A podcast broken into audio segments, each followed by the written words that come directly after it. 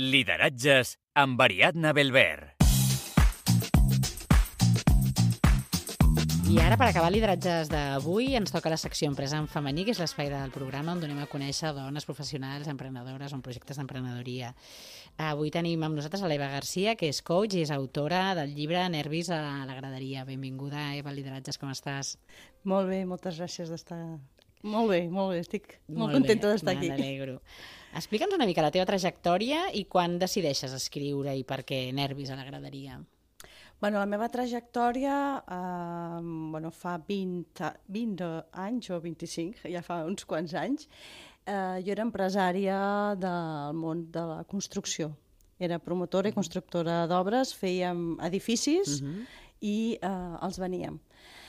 Però arrel del naixement del meu primer fill, el 2001, doncs va haver un trencament a, a, a interior Mhm, i no li trobava sentit allò que feia, guanyava molts diners, mhm, però no em sentia, no hi trobava sentit allò que feia.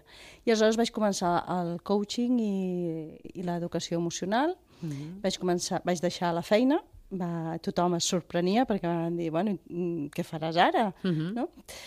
I vaig dir, no ho sé, però això que estic fent ara no, no ho vull fer més. I mm, vaig començar el màster de coaching, eh, llavors vaig començar tot, tot un procés de creixement personal, eh, fins a arribar bueno, que, que els meus fills, eh, jo sempre ho dic, són els meus grans mestres i són els que m'han ajudat a estar avui aquí, no? I Nervis a la graderia va sorgir d'això, no? de que els meus fills, tots, tots dos som esportistes, Mhm. I al principi volia fer com un diari, però al final va sortir una guia didàctica. Mhm.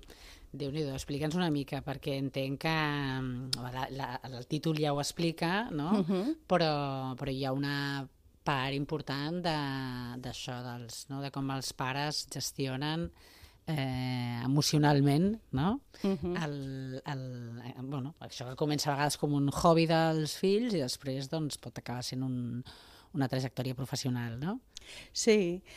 Bueno, va començar perquè el meu fill de, de 3 o 4 anyets ja tenia molta força als braços i va començar fent gimnàsia artística i despuntava gimnàsia artística i aleshores doncs van començar, bueno, volien fer, llavors en aquella època volien fer un equip espanyol a base uh, masculí i bueno, l'entrenador mm, bueno, se li va girar una mica Mhm. la pilota al cap i va començar a fer entrenaments russos, que deia ell. No? Llavors, clar, el nen va començar a agafar por, la nena també feia gimnàsia artística i els entrenaments també hi havia molta violència perquè es feien unes competicions, unes coses molt estranyes.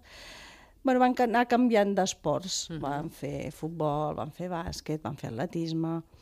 Eh, El Pol sempre ha sigut un nen que ha destacat molt amb l'esport, la Núria no, però el Pol sí. Mhm.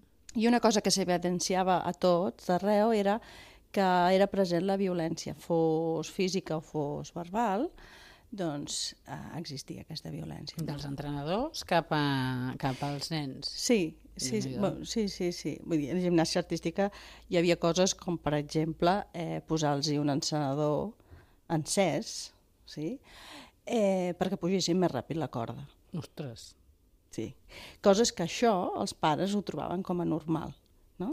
O que, per exemple, doncs, l'entrenador anés amb un pal i els donés un cop a, a la cuixa perquè no feien bé uh, un exercici que es deia la UV. No? I això ho veien com a normal, potser és que s'ho mereixen. No? I clar, jo això no ho veia normal. Mare meva. Sí que a la llarg sí que hem trobat entrenadors maquíssims, eh? Mhm, Tenis, clar, clar, clar, eh, sí, sí, sí, sí, sí. sí. Mhm. Vull dir, a futbol vam trobar gent estupenda. Uh, però bueno, sempre hi ha no? aquests entrenadors que, o entrenadores eh? que Mhm. també uh, Mhm. bueno, segueixen aquell patró que ells van mamar, no? que ells van viure i ells ho repeteixen inconscientment. Mhm. Fins i tot em deien, no, si això és poquet, eh, això que fem. I aleshores, doncs, bueno, a la graderia, doncs a la graderia hi ha també no, els pares que no se saben contenir. I bueno, com que hi havia tanta, tanta mala gestió emocional i jo estava en aquest món, vaig pensar, home, per què no, no? Eh, mm, un llibre que pugui ajudar d'alguna manera Mhm. aquests pares, els tècnics també, no? eh, en, en aquest àmbit, perquè no, vaig veure que no hi havia. Clar. També. I, I quin feedback has rebut de- de- d'aquests perfils? O sigui, uh -huh. tens d'algú, o sigui tècnics o siguin pares que et diguin, ostres, Sí. com m'ha ajudat o... Sí, de veritat és que uh, hi ha, per exemple, bueno, un, a Vilafranca, d'on sóc jo, doncs, uh, un dels entrenadors m'ho va dir, diu, és que aquest llibre hauria de tenir tot pare, o sigui, el pare a l'hora de matricular, inscriure el nen a l'esports hauria de tenir el llibre. Una, és una pinzellada, eh? És, uh -huh. és, és un llibre que es llegeix molt ràpid, uh -huh. eh, però parla de valors, sobretot, no? de les nostres creences com a pares, uh -huh. què és allò que nosaltres volem, no? les nostres expectatives. Exacte, no? Hi ha a vegades frustracions no? que les, tra les, les, les traslladem als fills, allò que no vam poder fer nosaltres, no vam ser capaços, Ah, pretenem que siguin els fills no? que, que ho facin. Sí, sí, ens hi posem allà dins a la motxilla, no? uh -huh. aquestes frustracions, aquestes...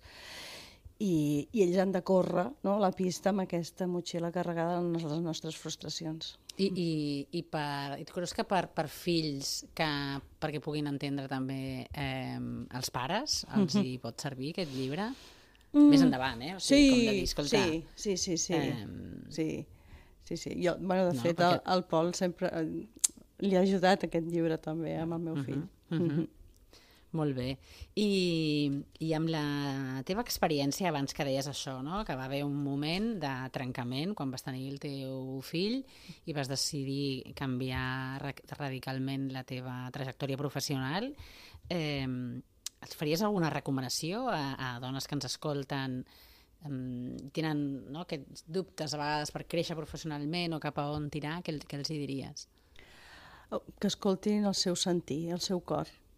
Uh, sí, perquè sempre hi ha aquella veueta interior, no? Uh -huh. Una veueta interior que a vegades nosaltres no, no la- l'escoltem, però no, la, no, no li posem altaveu, com si diguéssim, no? La deixem allà tancadeta i que escoltin el seu sentir, el seu cor, perquè les, les persones al teu voltant segurament et diran que no ho facis, que on vas fent això. Que, de fet, a mi, eh, en l'entorn familiar, moltes vegades encara em diuen eh, secretària de direcció. Eh? Vull dir que els hi costa a, a vegades acceptar que tu has fet aquest canvi professional, perquè ells han de fer un canvi també de mirada cap a tu.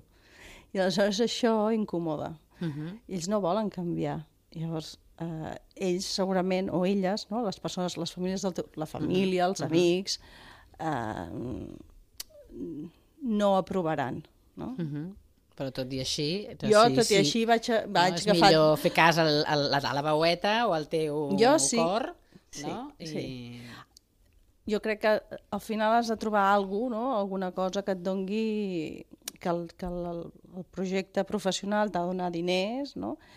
evidentment, però també benestar interior, no? que allò que facis també vegis que té un profit algú, no? que, que facis un bé social també. I això és a mi el que m'omple, no? Quan fas les formacions a pares o a professorat, o que veus que vas posant llavors no? i vas veient aquests canvis tan xulos. Uh -huh. que... Que bé, Sí, i això m'omple. I tant.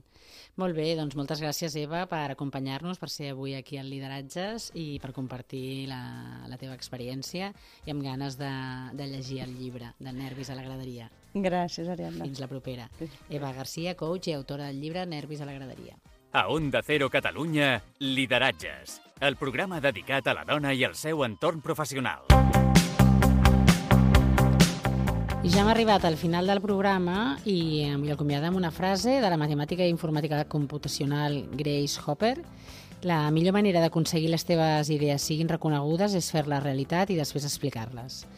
Vull agrair tot l'equip del programa, el Xavi Meca i el Víctor Botini a la producció i a tot l'equip tècnic d'Onda Cero Catalunya. Us animo a seguir el programa a les xarxes socials d'Onda Cero Catalunya amb el hashtag lideratges i a deixar-hi els missatges que ens vulgueu fer arribar propostes de temes a tractar al programa i iniciatives que us interessin. Estem a Facebook, Twitter i Instagram i ens acomiadem donant-vos les gràcies un cop més per seguir-nos i escoltar-nos. Volem seguir creixent i per això és vital que ens ajudeu a fer difusió del programa i a recomanar-ho als vostres familiars, amics i companys de feina. Fins la setmana vinent. Us esperem a Lideratges. Cuideu-vos molt. Lideratges, la veu de la dona als negocis, amb Ariadna Belver.